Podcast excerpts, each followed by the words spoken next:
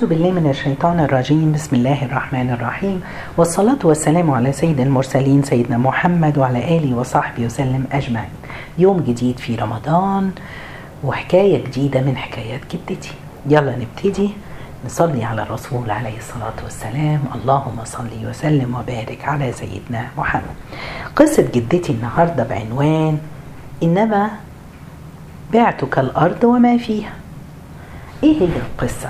بتحكي جدتي إن الرسول عليه الصلاة والسلام كان يحب يحكي لأصحابه أخبار الأمم السابقة عشان يعلمهم ويعتبروا من الناس اللي حصل ومروا بيه قبل كده. في يوم قال لهم إن رجل اشترى عقار بيت. آه فالراجل اللي اشترى العقار ده بعد ما نقل في البيت الجديد لقى جرة فيها ذهب. يعني زرع زلعة كده أو حاجة يعني فيها ذهب. فراح واخد الدلعة دي الزرعة دي وراح وداها لصاحب العقار اللي اشترى منه. قال له خد الذهب بتاعك. أنا اشتريت منك الأرض وما اشتريتش منك الذهب. فصاحب الأرض قال له أنا بعت لك الأرض واللي فيها. فما بقوش عارفين في حد كده؟ ما بقوش عارفين يعملوا إيه. فتحامكم وراحوا للقاضي. فحكوا للقاضي لما سمع منهم كده وشاف الورع بتاع كل واحد فيهم قال له أنت حد فيكم عنده ولد؟ فواحد منهم قال له أنا عندي ولد. وسأل البل... والراجل التاني أنت؟ قال له أنا عندي بنت. فقال له جوزوهم لبعض وأنفقوا عليهم منه وتصدق. سبحان الله أنفقوا على ولادكم دول جوزوهم بالفلوس دي الذهب اللي كان. إيه الورع ده؟ تعالوا نقف هنا. في حد ممكن يكون كده؟ في الزمان ده هنقول مش ممكن ما سمعناش. غريبة قوي. لكن سبحان الله الرسول حكى لهم القصة دي عشان يتعلموا الورع. إيه الورع هنقول عليه؟ بس تعالوا نسمع القصة التانية. كان ال ال ال يعني سبحان الله العجب الواحد يتعجب في القصة دي من الاتنين. الراجل اللي باع الأرض والراجل اللي اشترى الأرض. كل واحد رفض إنه ياخد الذهب. ده الواحد دلوقتي لما بيلاقي بس مليم واحد الناس بتقطع نفسها للأسف الشديد. لكن هنتفرج ونشوف إن صحابة الرسول عليه الصلاة والسلام كانوا بيفهموا ويتعلموا من القصص اللي بيحكيها لهم الرسول. تعالوا نشوف أبو بكر. كان عنده غلام في يوم جاب له أكل فابتدى ياكل سيدنا أبو بكر. فالغلام دوت بيقول لسيدنا ابو أنت عارف أنا جبت الأكل ده منين؟ قال له منين؟ قال له أنا زمان في الجاهلية كنت بتكهن.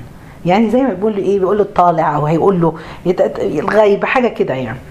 وما أحسن الكهانة يعني ما كنتش بعرف بس ضحكت على واحد وتكهنت له غير أني خدعته. فلقيني فأعطاني بذلك هذا الذي أكلت منه. إداله الأكل اللي الراجل إداهوله. أول ما سمع كده سيدنا أبو بكر قام وحط صباعه في بقه وتقيأ. اللي في ده. عشان إيه؟ عشان ما يدخلش في بطنه حرام. شيء حرام. الناس دي كانت بتتحرك. كان عندهم ورع. قصة تانية كان سيدنا عمر بن عبد العزيز بيقسم تفاح بين الناس. فجاء ابنه وأخد تفاح. فراح قايم بسرعة أخدها منه لأنه مش تفاحه. راح حطها في السبت. ابنه مشي وروح وروح بيعيط لأمه. فأمه فاطمة راحت اشترت آه بعتت الخادم عشان يشتري تفاح وأدت للصبي تفاح وأكلها. لما جه سيدنا عمر بن عبد العزيز حطت التفاح بين إيده فوق فقالت له خد فقال لها يا يرحمك الله والله أنا كنت أشتهيه اليوم كان نفسه فيه لكن هو قدامه ما قدرش يمد إيده عليه ما يقدرش ياخد حاجة مش بتاعته. هو ده ده الورع يعني برضو قصة أخيرة جاءت مرة أخت بشر الحافي للإمام أحمد بن حنبل.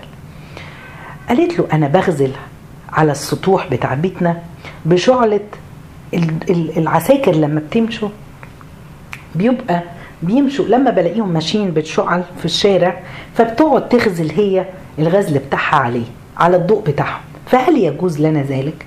نعم.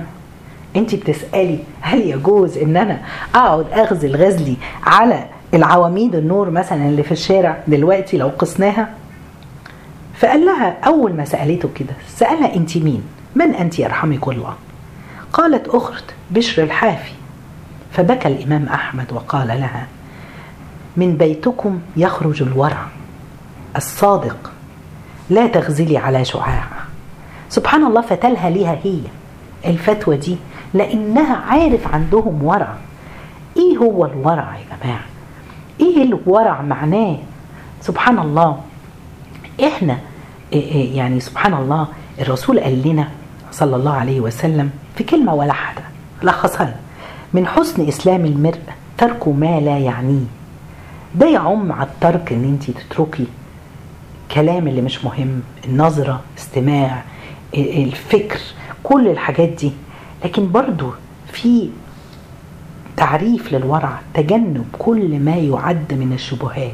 خشية الوقوع في الحرام هي شبهة هي مش حرام. صح؟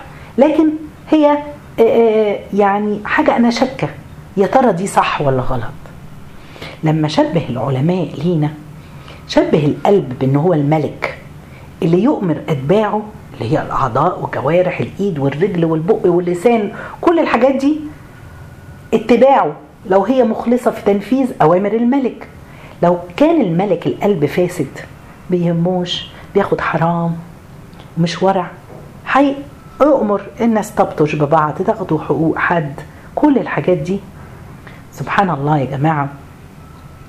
إيه زي ما قلت لكم الرسول عليه الصلاة والسلام قال لنا من حسن إسلام المرء ترك ما لا يعني. اللي ما يعنيكش في الكلام ما تتكلمش. طيب هديكم مثل تاني سبحان الله بيقولوا إن كان مرة أحد الأئمة كان بيكتب الحديث في كتاب اتكسر القلم بتاعه الرصاص فاستعار قلم من من حد قاعد جنبه. أخذ القلم وكتب وخلص وروح. لما رجع بيته افتكر إنه نسي يدي الرجل القلم. سبحان الله أمر حد من عنده بعته بالقلم يخرج للشام عشان يرد القلم. مسافة بعيدة جدا. إيه يا جماعة ده؟ إيه الورع ده؟ معناها إن إحنا ما ينفعش ناخد حاجة مش بتاعتنا؟ آه. ده كمان وأكتر من كده. بيقولك إن مرة امرأة استلفت رغيفين. فجالها الإمام أحمد بن حنبل بتقول له قال لها ما أجرائك؟ تبيتيني وع... تبيتين وعليك دين. تنامي وعليكي دين. الرغيفين دول إن انت ترجعيهم. لا إله إلا الله. مرة بيقال إن أحد الصالحين آه رؤيا بعد موته في المنام. فقيل له ما فعل الله بك؟ قال خيرا غير أني محبوس عن الجنة. بإبرة استعرتها فلم اردها واحدة في إبرة ودي واحد في إبرة والتانية في رغيفين. إحنا مالنا. إحنا بقى. الدرس اللي عايزين نطلع منه ونتعلم اللي جدتي حاولت تعلمه لنا والرسول علمه للصحابة إن هو لازم الواحد يتحرى. يبقى عنده ورع. ما ينفعش إن أنا أضيع وقتي. سبحان الله. إحنا بقينا نتحر يعني نتهاون في الحرام. إحنا فاكرين إن الحرام هو الربا والرشوة. لا.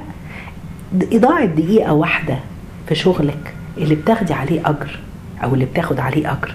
دوت يعتبر مال حرام. أخدتي حاجة مش بتاعتك.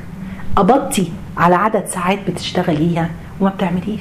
جماعة إحنا بقينا نستهون ونقول أحسن أنا هزوغ. هتزوغ وبعدين؟ ما هو التزويغ ده م م يعني جايب إيه؟ إن أنت قبضت حاجة أخدت فلوس مش بتاعتك. أخدتي من الشغل حاجة ورقة قلم إيه إيه صورتي استخدمتي البرينتر عملتي كل الحاجات دي كلها برضه يبقى مال حرام دخلناه إحنا عاوزين نفهم. الرسول قال لنا يأتي على الناس زمان لا يبالي المرء ما أخذ منه امن الحلال أم من الحرام. عاوزين يا جماعة نتحرى. الحلال في كل شيء بنعمله. في كل كلمة في كل تصرف. هو ده اللي إحنا عاوزينه.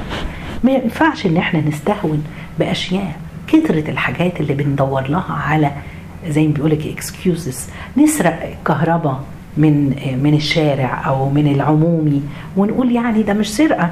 ما هم يعني مغليين أسعار الكهرباء علينا. لا ما ينفعش لا يجوز. الناس اللي بتاخد بتضحك في الضرايب وتقول إن أنا مرتبي كذا وأنا كذا عشان يتهربوا من الضرايب. ما دام الواحد عايش فيها أو الناس اللي بتروح على ويلفير وهم بياخدوا إعانة من الحكومة وهم سبحان الله بيكون بيشتغلوا محتاج.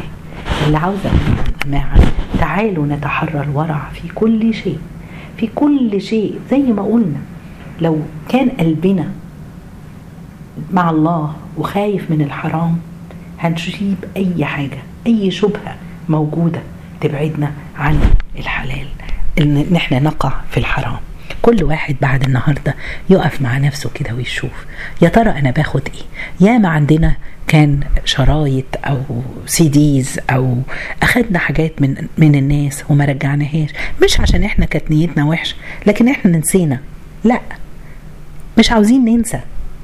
عاوزين نبقى واعيين إن أنا ما باخد حاجة دلوقتي بعدها في لحظة برجعها. مش معناه إن أنا لو أنا مزنوقة مش هاخد دين من حد أو استلف من حد لازم يكون طبعا ولكن على قد ما أقدر. ساعات الناس بتستلف من بعضها وترجع تقول إيه؟ هو مش محتاج. ده عندها قد كده. ده أنا شفت عندها مليون كمبيوتر ولا مليون موبايل ولا مليون قلم. حتى القلم لازم نحسب حسابه. ربنا يكرمنا ويجعلنا ممن يتقي الله ويتحرى الحلال. جزاكم الله خير. سبحانك اللهم بحمدك أشهد أن لا إله إلا أنت أستغفرك ونتوب إليك.